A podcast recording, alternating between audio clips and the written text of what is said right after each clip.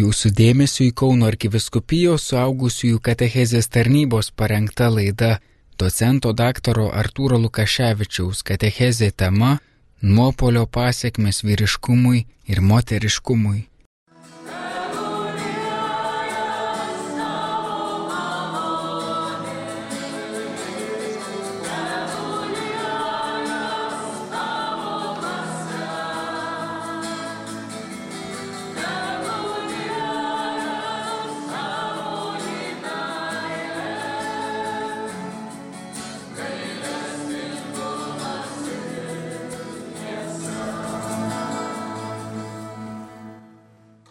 Taigi tęsėme mūsų žvilgsnį į patį krikščionybės centrą ir žiūrime, kaipgi patekome į visą tą bėdą, kurioje esame.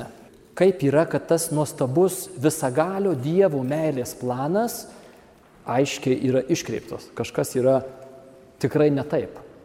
Su, su pasauliu, su mumis, jame yra e, labai daug nelaimės, O Dievo meilės planas yra laimė. Ir Dievas yra visagalis, be galo mylintis.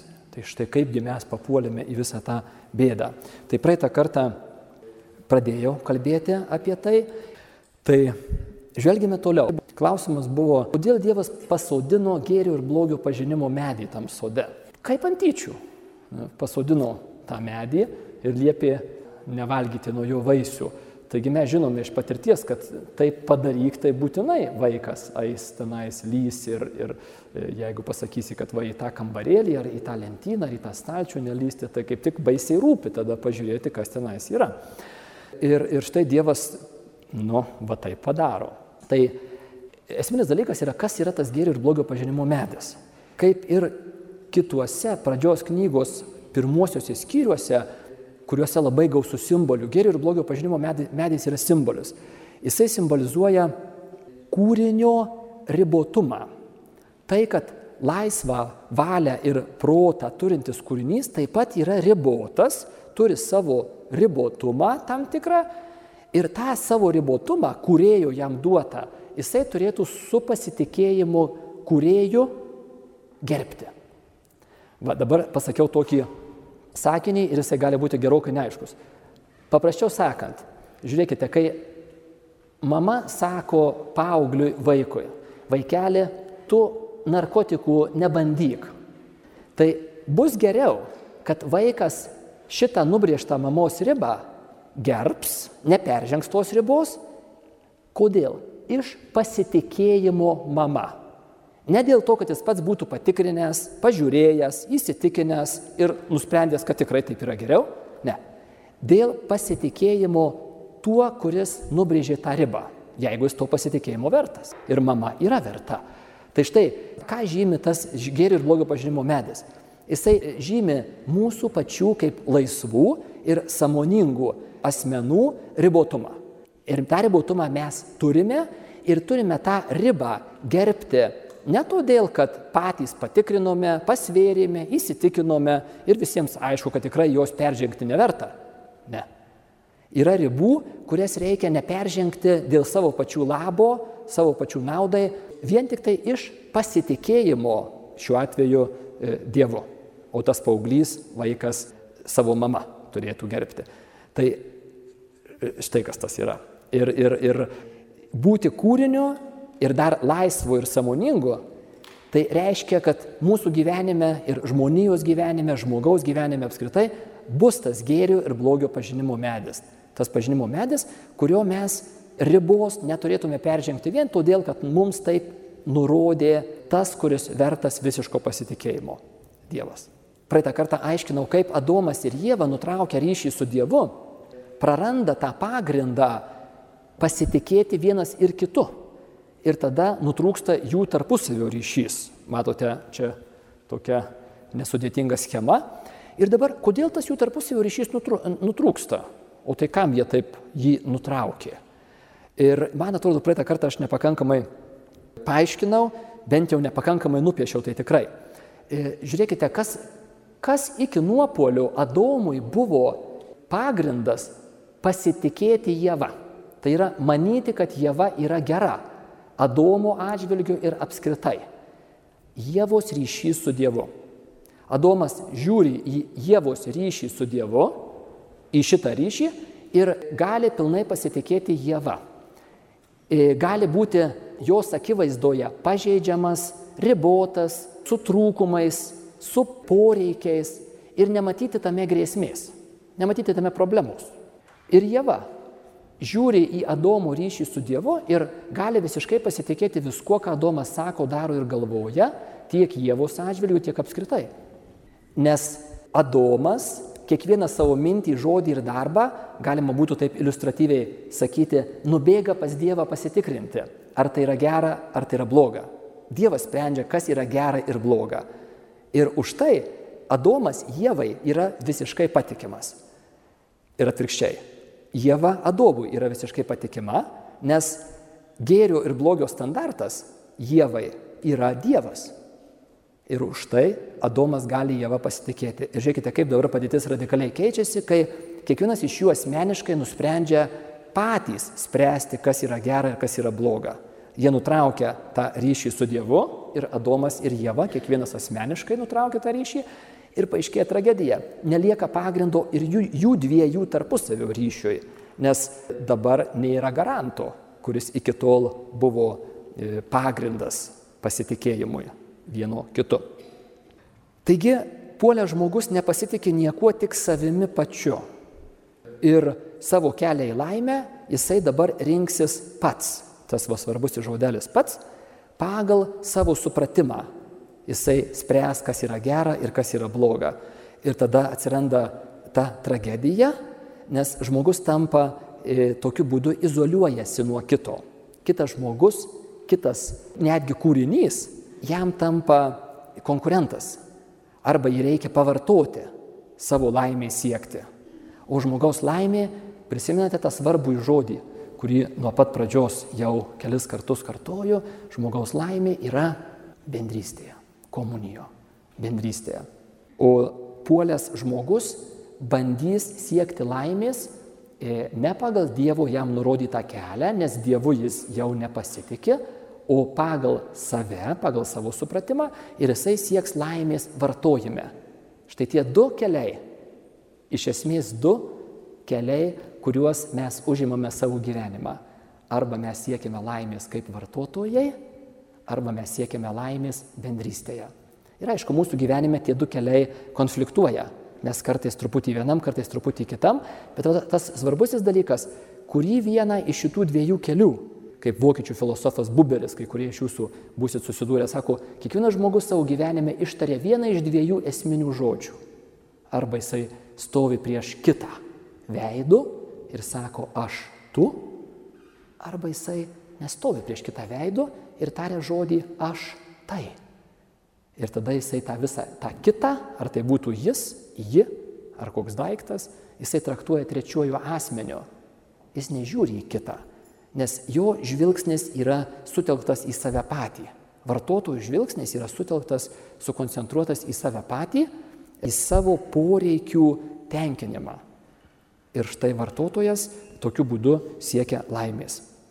Taigi puolė žmogus sulinksta į kažką tai kitą, nei Dievas. Iki nuopolio žmogus stovi tiesiai ryšyje su Dievu ir iš to iš to ryšio, iš tos bendrystės su Dievu seka, kyla teisingas ryšys su visa kuo kitu. Ir štai po nuopolio žmogus praranda tą ryšį su Dievu ir sulinksta į kažką tai kitą nei Dievas, kame jisai tikisi rasti laimę. Ir iš esmės tą, kame žmogus, puolė žmogus tikisi rasti laimę, e, tuo tokiu truputį kalambūrišku sutrumpinimu apibūdinant, ne, tas PVM. -as pinigai, valdžia, malonumai. Štai kame puolė žmogus tikisi rasti laimę. Ir dabar šiandien mano tema yra žvilgtelėti truputėlį į specifinį vyro ir moters sulinkimą. Kaipgi nuopolis iš darko išderina dovanas, specifines dovanas, kurias e, vyras ir moteris turi iš Dievo. Ir tomis dovanomis, skirtingomis dovanomis, jie yra apdovanoti tam, kad galėtų vienas kitą papildyti, vienas kitam pasitarnauti. Esate pastebėję tikriausiai, kad, nu, ir čia ką nepastebėti, žmonės labai skirtingi savo dovanomis, savo natūraliais talentais ir savo visais įvairiausiais talentais mes esame labai skirtingi. Ir viena iš priežasčių, kodėl, mes, kodėl Dievas taip skirtingai padalina talentus, yra tam, kad mes galėtume vieni kitiems pasitarnauti.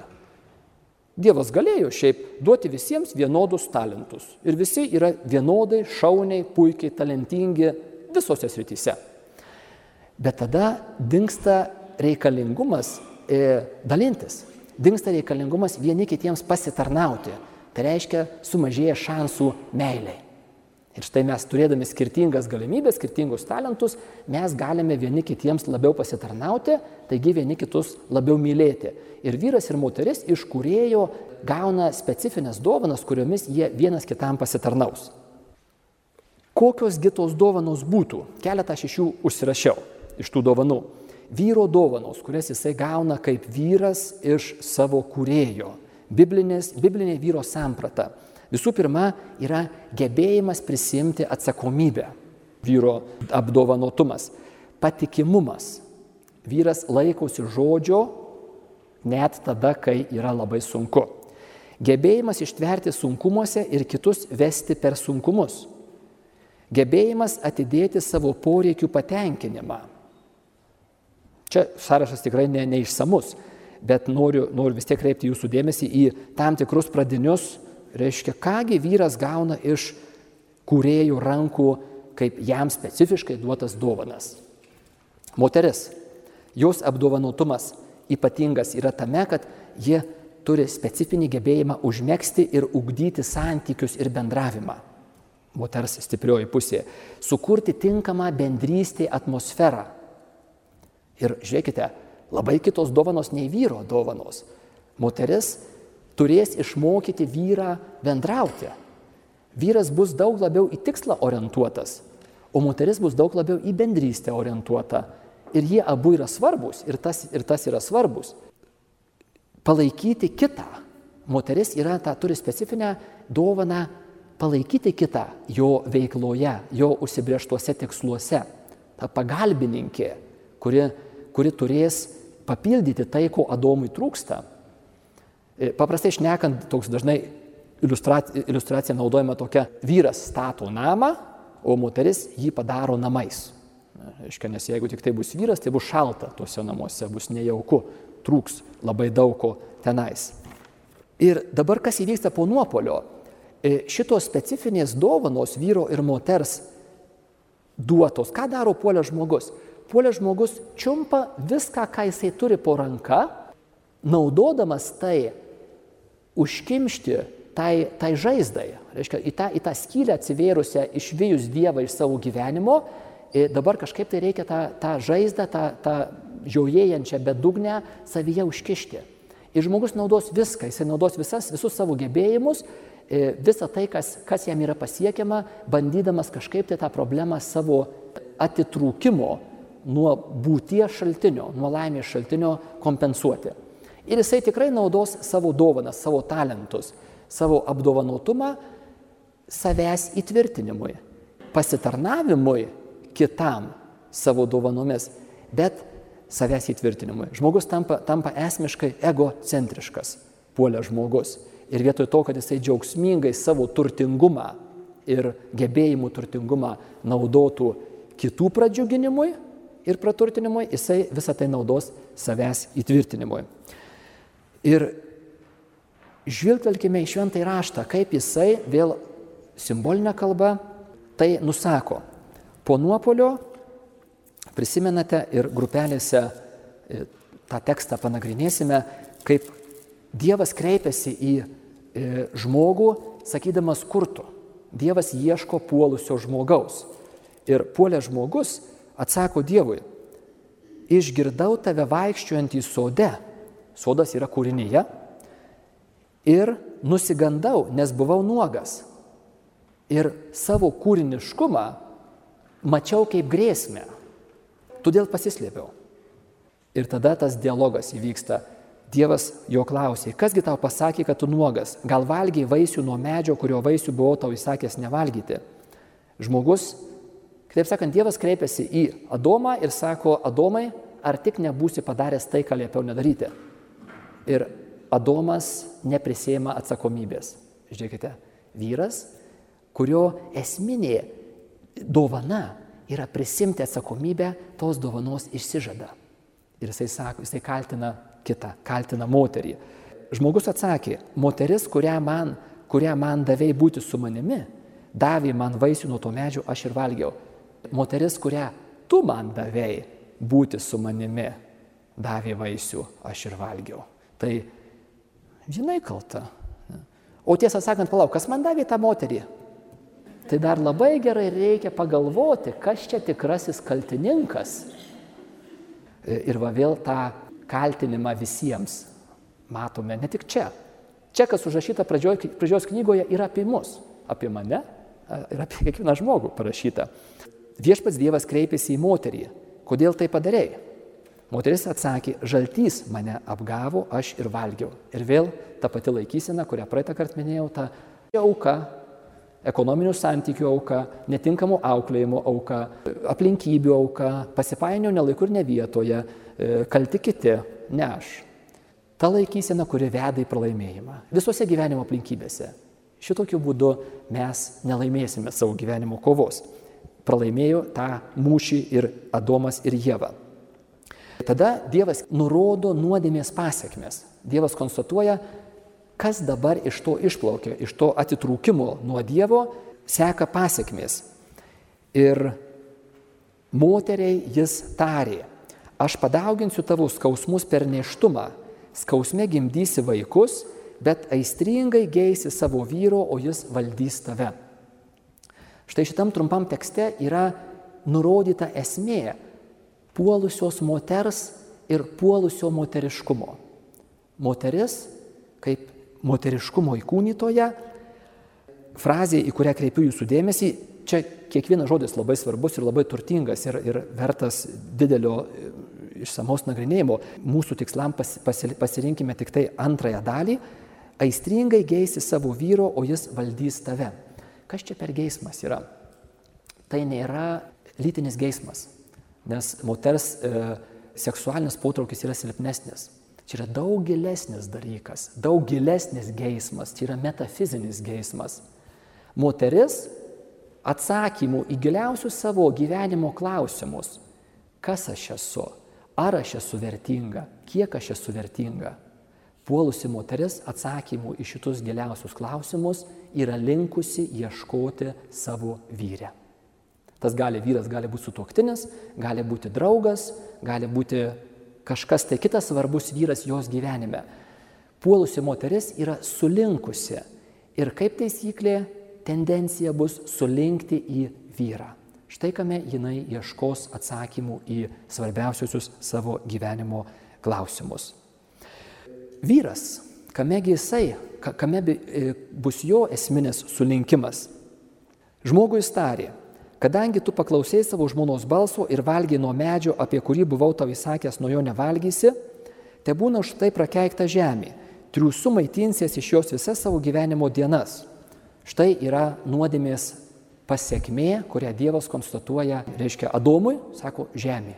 Žemė dabar neduos tau lengvai savo vaisių, triusu, tu gausi iš jos darbo, sunkiu darbu, maitinsiesi iš jos visas savo gyvenimo dienas.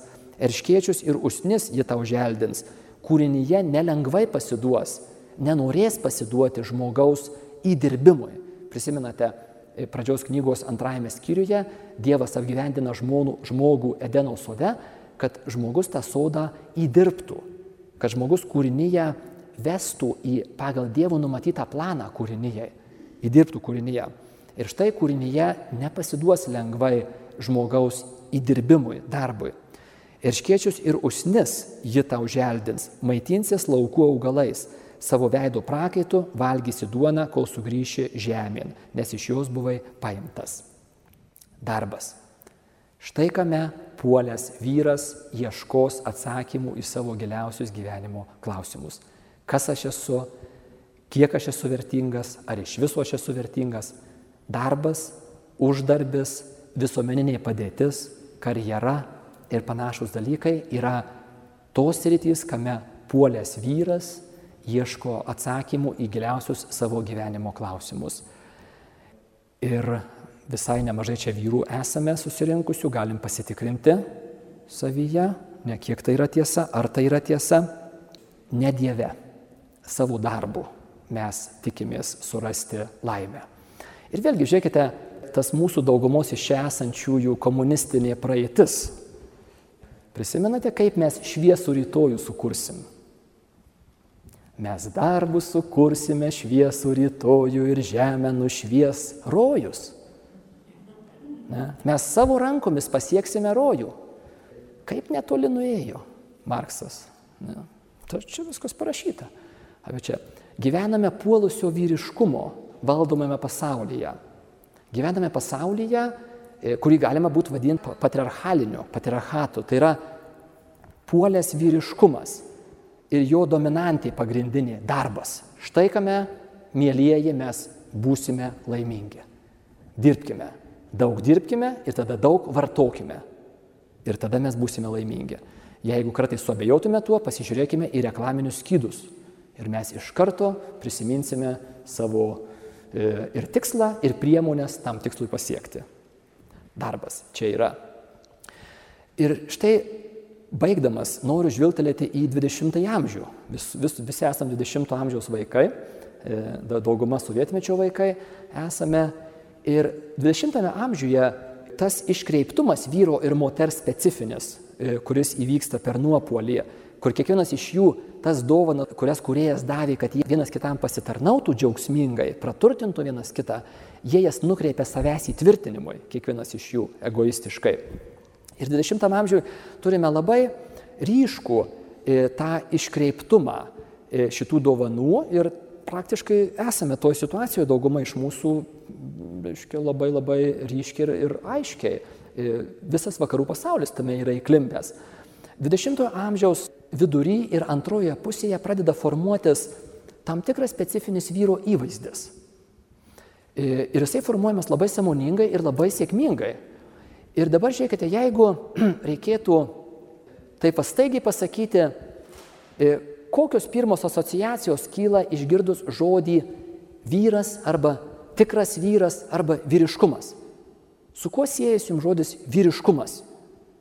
Iškia pagalvoti, pirmieji, pirmieji žodžiai, kurie tiesiog ateina į galvą. Ir dabar jūsų yra per daug, bet gal net grupelėse bus galima tą toliau padiskutuoti. Paprastai tai, ką žmonės, pirmi dalykai, kurie ateina į galvą, E, su, išgirdo žodį vyras arba vyriškas vyras, tikrai vyriškas vyras, koks tas yra, koks jisai yra. E, jisai turi būti stiprus arba pajėgus, galingas. Iš esmės trijose srityse - finansiškai, fiziškai ir seksualiai.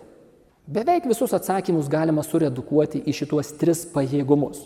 Bet atsiprašau, palaukit, o tai kur dabar patikimumas, atsakomybės prisėmimas, gebėjimas ištverti sunkumuose ir kitus vesti per sunkumus, va, gebėjimas atidėti savo poreikių patenkinimą, kažkaip čia tuose trijose galiuose šitos savybės, nu, gal ir galima kažkiek tai, bet tikrai nepilnai išvelgti, tai kur dabar, kur tos savybės yra.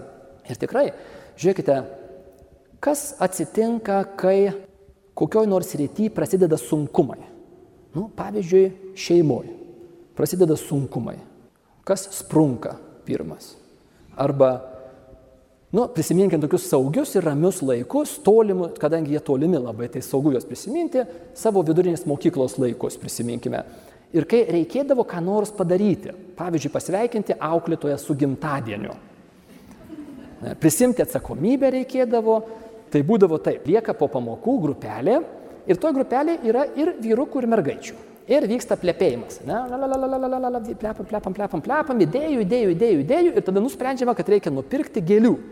Ir tada reikia kažkam eiti nupirkti gėlių. Žodžiu, galų gale lieka du, dvi arba viena, kuri tą viską iki galo ir padaro. Ir nežinau kaip jūsų klasėse, Mano klasėse tai būdavo mergaitės paprastai, kurios tokiuose situacijose, kai reikia, pavyzdžiui, pasveikinti auklėtą ir, pavyzdžiui, sutvarkyti jos kabinetą, ateiti po pamokų ir, ir papuošti, sutvarkyti kabinetą. Nu, kaip čia yra, o tai kaip dabar tie mūsų vyrai, kur čia atsakomybės prisėmimas, kur čia gebėjimas ištverti sunkumuose ir netgi kitus vesti per sunkumus, prarasta yra. Susiformuoja visai kitas vyro įvaizdis, kurį labai labai tiksliai apibūdina garsusis žurnalas Playboy. Šitą pavadinimą išvertus į lietuvių kalbą, jis labai labai tiksliai apibūdina tą vyro įvaizdį. Jis yra žaidimų berniukas. Jisai, jam gali būti 50 metų ar, ar kiek norite metų, jisai vis dar nesugeba prisimti atsakomybės, jisai žaidžia ir kai pasidaro nesmagu, jisai sako, aš taip nežaidžiu ir perina į kitą smėlio dėžę. Nes brandumo pagrindinis bruožas yra gebėjimas prisimti atsakomybę. Gebėjimas prisimti atsakomybę ir joje ištverti. Ir štai susiformuoja štai toks vyro modelis. Labai galingai susiformuoja, jisai, jisai apima faktiškai visą vakarų pasaulį. Ir dabar labai įdomus ir ryškus moteriškumo, moters reagavimas į tokį vyrą, į tokį vyriškumą. Ir tai tas reagavimas yra nekas kitas kaip feminizmas. Kas yra feminizmas? Feminizmas yra moters situacija, kai jinai dairosi aplinkui ir neranda nei vieno, prie kurio jinai galėtų savo specifinį apdovanotumą išreikšti. O koks jos specifinis apdovanotumas? Užmėgsti bendrystę, su pasitikėjimu glaustis prie kažko tai. Ir tada jinai sako, nėra nei vieno patikimo. Ir kas man belieka? Man belieka tik tai pačiai tapti stipriai, pačiai tapti savim pasirūpinančiai, niekas manim nesirūpins, taigi man reikia tapti finansiškai, fiziškai, psichologiškai ir visais kitais požiūriais nepriklausomai. Ir mes turime tą, tą business woman ne, modeliuką, ne, ta moteris, kuri yra stipri ir jai nieko nereikia. Tas vakarų feminizmas. Bet vėlgi, žiūrėkit, kurie esame mes iš sovietmečio, sovietmečiu turime irgi lygiai tą pačią situaciją, tik tai truputį iš kitos pusės.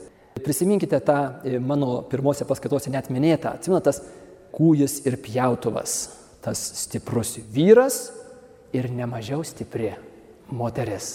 Ta raumeninga ranka, kuri laiko pjautuvą, yra nemažiau stipri. Ir jinai yra labai pajėgi ką padaryti?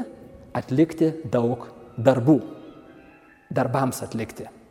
Jinai stipri. Ir jeigu reikės, jinai visą kolhozą ant savo tvirtų pečių veš. Ir dar girtą vyrą taip pat. Mes turim lygiai tą patį feminizmą, kur, kurios esmė yra štai kokia. Moteris sako, aš būsiu saugi, laiminga, jeigu aš tapsiu kaip vyras. Aš turiu tapti kaip vyras tam, kad aš būčiau laiminga. Ir sovietinis ar vakarietiškas feminizmas yra iš, iš esmės tas pats puolusio vyriškumo mėgdžiojimas, kai moteris išduoda savo giliausią tapatybę ir, ir eina į laimės ieškoti kitur.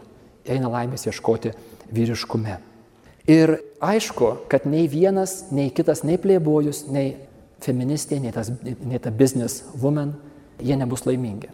Nes jų laimė yra kažkur tai kitame kažkur tai kitur.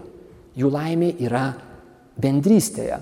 Bet tam, kad jie galėtų atrasti iš naujo tą bendrystę, reikės giluminių transformacijų, reikės jų kiekvieno asmeniškai perkeitimo, tam, kad galėtume sugrįžti į tą darnę jų tarpusavio, darnų tarpusavio ryšį. Iš to vietų norėčiau trumpai žvilgtelėti į Dievo planą lytiškumui. Kokią vietą žmogaus lytiškumui, tai, kad mes esame vyrai arba moterys, Dievas yra pramatęs savo plane lytys, vyrai ir moterys, yra Dievo plano dalis. Tai yra Dievo kūrybos, Dievo plano dalis. Ir prisimenate tą aksiomatinį teiginį. Tai, ką Dievas sukūrė, visa tai yra gera. Viskas, ką Dievas sukūrė, yra gera. Mūsų lytiškumas, kaip Dievo kūrybos dalis, tai, kad esame vyrai arba moterys, yra gera. Negali būti kitaip. Kai nupuolame, kai žmonė nupuola, tai šitie dalykai, kaip ir visi kiti, išsikreipia. ir pradeda nešti griovimą, destrukciją, tampa blogi arba neša blogį. Jie nėra blogi, jie yra geri, bet jie neša blogį.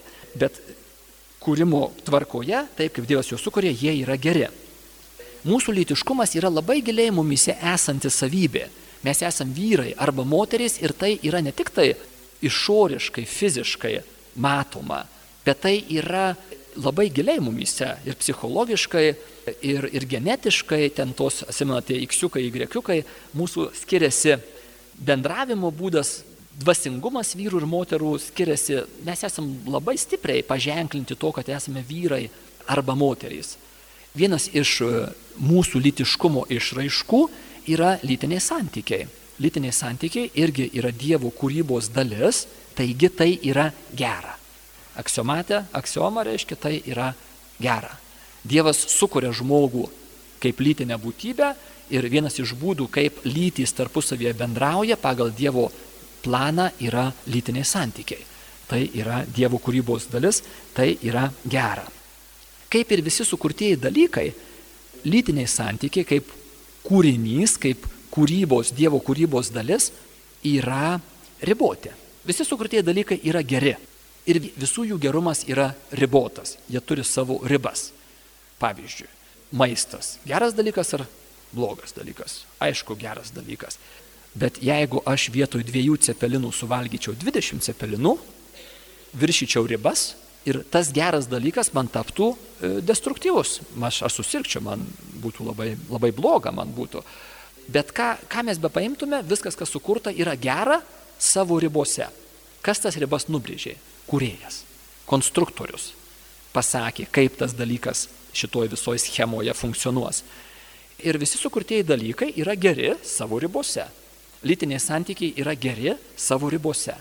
Kokiosgi yra lytinių santykių gerumo ribos? Tai yra vyras ir moteris esantys sandorinėme ryšyje, tai yra santuoka. Santuoka visiškas savęs padovanojimas vienas kitam yra ta situacija, kurioje kuriejas yra numatęs sutuoktinių intimius santykius. Ir santokoje intimus santykiai yra Dievo plano dalis, Dievo kūrybos dalis, vyro ir žmonos meilės išraiškos vienas kitam dalis ir jie yra geri. Visur kitur lytiniai santykiai yra išeinantys iš savo gerumo ribų ir tampa destruktyvūs. Ir tą destruktyvumą mes vadinam tuo, kai dalykas yra naudojamas ne pagal paskirtį, ne savo ribose, jisai yra destruktyvus ir tai mes vadiname nuodėme. Taigi, kalbant apie vyrą ir moterį, vyrą ir žmoną, esančius sandorinėme ryšyje, šitie du dalykai yra žmogaus lytiškumas, lytys, intimų santykiai yra geri Dievo sukurti. Kaip ir visi dalykai geri ir sukurti, jie yra geri savo ribose. Intimų santykiai yra skirti tarp vyro ir žmonos santuokoje. Tik tai tarp sutuoktinių, tai reiškia sandorinėme ryšyje esančių žmonių. Be abejo, matome, kaipgi puolęs pasaulis šitas, ypač šitą sritį iškreipia. Atrodo, kad šitas sritis žmogaus litiškumas yra ypač galinga jėga, ypač didelė jėga, Dievo duota, gera jėga, skirta bendrystei ugdyti ir po nuopolio šita milžiniškos galios jėga gali būti labai stipriai neteisingai panaudota. Ir mes turime platų iliustracijų lauką, matome, kaip tai gali būti naudojama vartojimui. Ne kam kitam, o pavartojimui. Kraštutinis pavartojimo atvejis būtų prostitucija. Vyras, dažniausiai vyras, bet kartais ir, ir atvirkščiai, pavartoja visiškai nesidomėdamas asmeniu tos moters, o tik tai išoriniais parametrais. Pavartoja ir numeta kaip daiktą. E, bet e, nereikia tokio kraštutinio atvejo. Mes visi esame įklimpę tame vartotojo laikysenoje. Ir mums visiems reikalingas kažkoks tai, kažkokia tai pagalba. Ką daryti, nes kaip vartotojas žmogus laimės pasiekti negali. Dabar klausimas turėtų kilti toksai. Gerai, Adomas ir Jėva nupuolė, nusidėjo, nutraukė ryšį su Dievu, kiekvienas asmeniškai bet tai o prie ko čia aš ir jūs? Mes gyvenam po tūkstančių metų Ir mes taigi nepadarėm tokių nuodėmių, tai kuo mes dėti? Mes dėti dviem būdais. Mes susiję su tuo dviem būdais. Pirmas dalykas, kuo mes esame susiję, yra tai, kad Adomas ir Jėva nupuldami susargdina žmogišką prigimtį, taip paprastai šnekant. Ir tas susirgymas, kuriuo žmogiška prigimtis vėliau perduoda, ta, ta lyga perduodama vaikams toliau, yra vadinamoji gimtoji nuodėmė. Gimtoji nuodėmė yra žmogiškosios prigimties sužalojimas, kuris prasideda su pirmųjų tėvų nuodėmė ir tęsiasi per visas kartas, per vis, visiems žmonėms perdodama. Gimtoji nuodėmė yra polinkis nusigręžti nuo Dievo ir atsigręžti į save kaip svarbiausiai, kaip visako centrą ir pagrindą. Polinkis pačiam spręsti, kas yra gera ir kas yra bloga. Ir mes tą polinkį gauname iš savo tėvelių ir per visas kartas iki pat pirmųjų žmonių. Taip pat mes tą polinkį realizuojame, įgyvendiname per savo asmenės nuodėmės. Savo asmeninėmis nuodėmės mes iš esmės padarom lygiai tą patį veiksmą vidinį, kurį Adomas ir Jėva padarė patys. Jiems pirmoji nuodėmė buvo veiksmas. Jie tą padarė. Mes nežinome, koks tai buvo veiksmas. Gana dažnai žmonės klaidingai mano, kad pirmoji nuodėmė buvo intimus vyro ir moters aktas. Bet taip manyti yra klaida. Tai jiems nebūtų buvusi jokia nuodėmė, nes Adomas ir Jėva buvo sutuoktiniai. Normalus lytinis aktas jiems būtų Dievo įsakymo būkite vaisingi ir dauginkitės vykdymas. Šį įsakymą Dievas davė vyrui ir moteriai iš karto po jų sukūrimo. Taigi Adomui ir Jėvai pirmoji nuodėmė buvo neklusnumo Dievui veiksmas. Iš šio veiksmo kilo vadinamoji gimtoji nuodėmė, tai yra būsena, kurioje mes visi gimstame. O tą būseną mes savo ruoštų įgyvendiname arba patvirtiname savo asmeninėmis nuodėmis savo gyvenimuose. Bet iš esmės tos asmeninės nuodėmis yra sukirptos lygiai pagal tą patį šabloną, pagal kurį buvo padaryta ir pirmoji nuodėmė - Adomo ir Jėvos nuodėmė. Prisimenat, aiškinau, bandžiau daug iliustracijų duoti Adomo ir Jėvos nuodėmės esmė buvo nepasitikėjimas Dievu, vidinė nepasitikėjimo nuostata, kuri išsireiškė išoriniu neklusnumo veiksmu. Nepasitikėjimas ir neklusnumas. Štai yra du kiekvienos nuodėmės bruožai. Nepasitikėti tai reiškia manyti, kad tu man nenori gero. Nepasitikėjimas, manimas, kad Dievas nenori man laimės. Ir užbaigsiu tokia iliustracija, paprasta visiškai, kad e, bandau parodyti, kaip kiekviena mūsų daroma nuodėmė yra iš esmės Adomo ir Jėvos nepasitikėjimo ir neklusnumo pakartojimas arba sukirpta pagal tą patį, pagal tą patį šabloną, ta mūsų kiekviena asmeninė nuodėmė.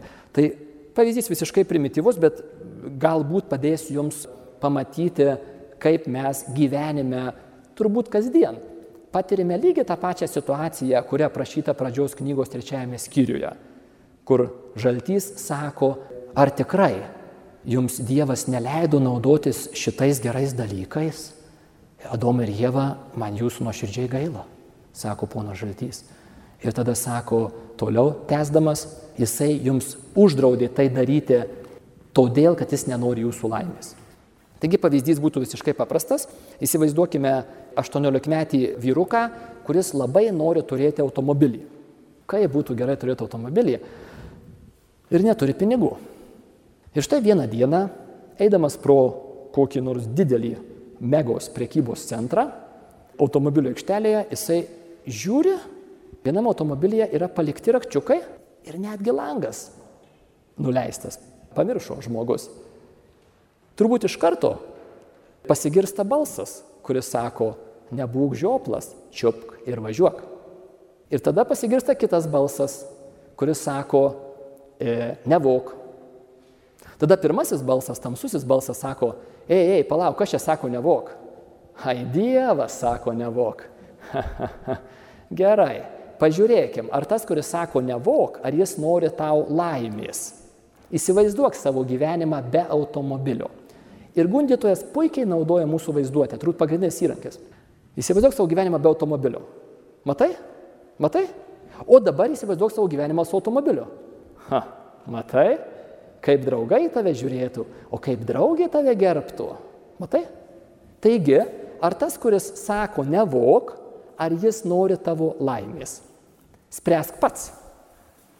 Ar tas, kuris, nori, kuris tau sako nevok, ar nėra taip, kad jisai nori, kad tu būtum žioplas, naivus, kvailas, prispaustas, vergas. Jeigu nori ir būk toksai. Bet jeigu nori, imk reikalą į savo rankas, pats spręs, kas yra gera ir kas yra bloga ir tapk pilnai įsiskleidusią, save realizavusią, save aktualizavusią asmenybę, kuo ir gali tapti. Paprastutis pavyzdys, bet noriu parodyti, kaip kiekvienas mūsų moralinis pasirinkimas, kurį mes darome nuo mažiausio iki didžiausio, remiasi iš esmės tuo pačiu dalyku. Ar Dievas nori mano laimės? Ar tas, kuris man nurodo kelią, ar jisai nori mano laimės, ar vis dėlto ne. Ir tada aš renkuosi. Ir darydamas blogą pasirinkimą, aš pakartoju ir padedu parašą po Adomo ir Jėvos pasirinkimu nepasitikėti Dievu ir nepaklusti. Tai ir yra nuodėmė. Baigiau kalbėti apie nuodėmę, pradėsim šnekėti apie, o ką Dievas darė šitoje situacijoje. Mes papuolėme į didelę bėdą. Ir nuodėmė yra stipresnė už mus. Mes iš jo savo jėgomis negalime įsikapstyti. Mes negal, nesam pajėgus išspręsti šitą esminę problemą. Jeigu mums nepadės kažkas kitas už mus ir už nuodėmę galingesnis, mes tiesiog e, patirsime ją iki galo. Ta egoisto vienatvė, ką šventas raštas vadina pragaru. Tai yra žmogus, esantis tiek sukoncentravęs žvilgsnį į save patį, ir tiek negebantis matyti kito, kad jis yra taip vienišas, kaip neįmanoma būti jokioj dykumoje vienu. Tai yra baisiausias dalykas - egoisto vienatvė. Žmogaus vienatvė, kurio visas horizontas, visas akiratis yra uždengtas savęs paties. Toks didelis įsipūtęs aš. Ne, girdėjau, kad čia galima girdėti tame žalčio šnipštimą. Tame. Aš reikalinga didelė pagalba mums. Ir ta pagalba, ačiū Dievui, yra duodama. Krikščionybė yra geroji žinia, kad pagalba atėjo. Kad mirtinai lygai vaistas yra. Tai yra labai labai gera žinia.